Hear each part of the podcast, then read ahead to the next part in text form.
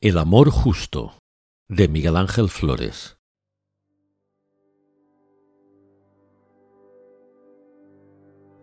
Suele pasar los domingos en el tanatorio.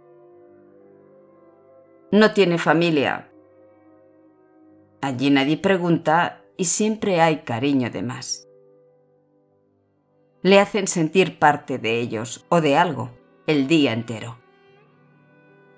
Así, aprovecha y acompaña a la viuda en su desconsuelo y está pendiente de los huérfanos y les da ánimos. Se entrega atendiendo a familiares en el sufrimiento, consolando amigos en su dolor. Igualmente, ofrece conversación a quien ni siente ni padece, que también los hay y lo precisan. Pero, sobre todo, procura escuchar a todo el mundo, todo el tiempo. Y toma notas, con disimulo, de lo que le explican y de lo que se cuentan entre ellos. No hay fallecido que no tenga alguna cuenta pendiente. Solo hay que prestar atención para captarla. Luego, al llegar a casa, en la misma soledad de siempre, repasa los apuntes.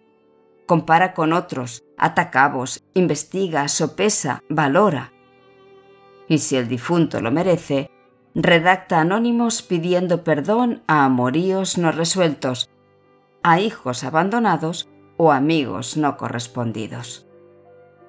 Si por el contrario no es digno, sin delatarse, escribe a las familias contándoles con todo lujo de detalle lo que ha averiguado y que desconocen sobre un desgraciado al que tanto lloran sin merecerlo.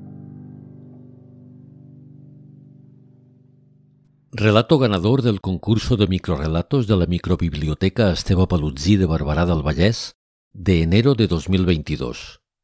Grabación en alta.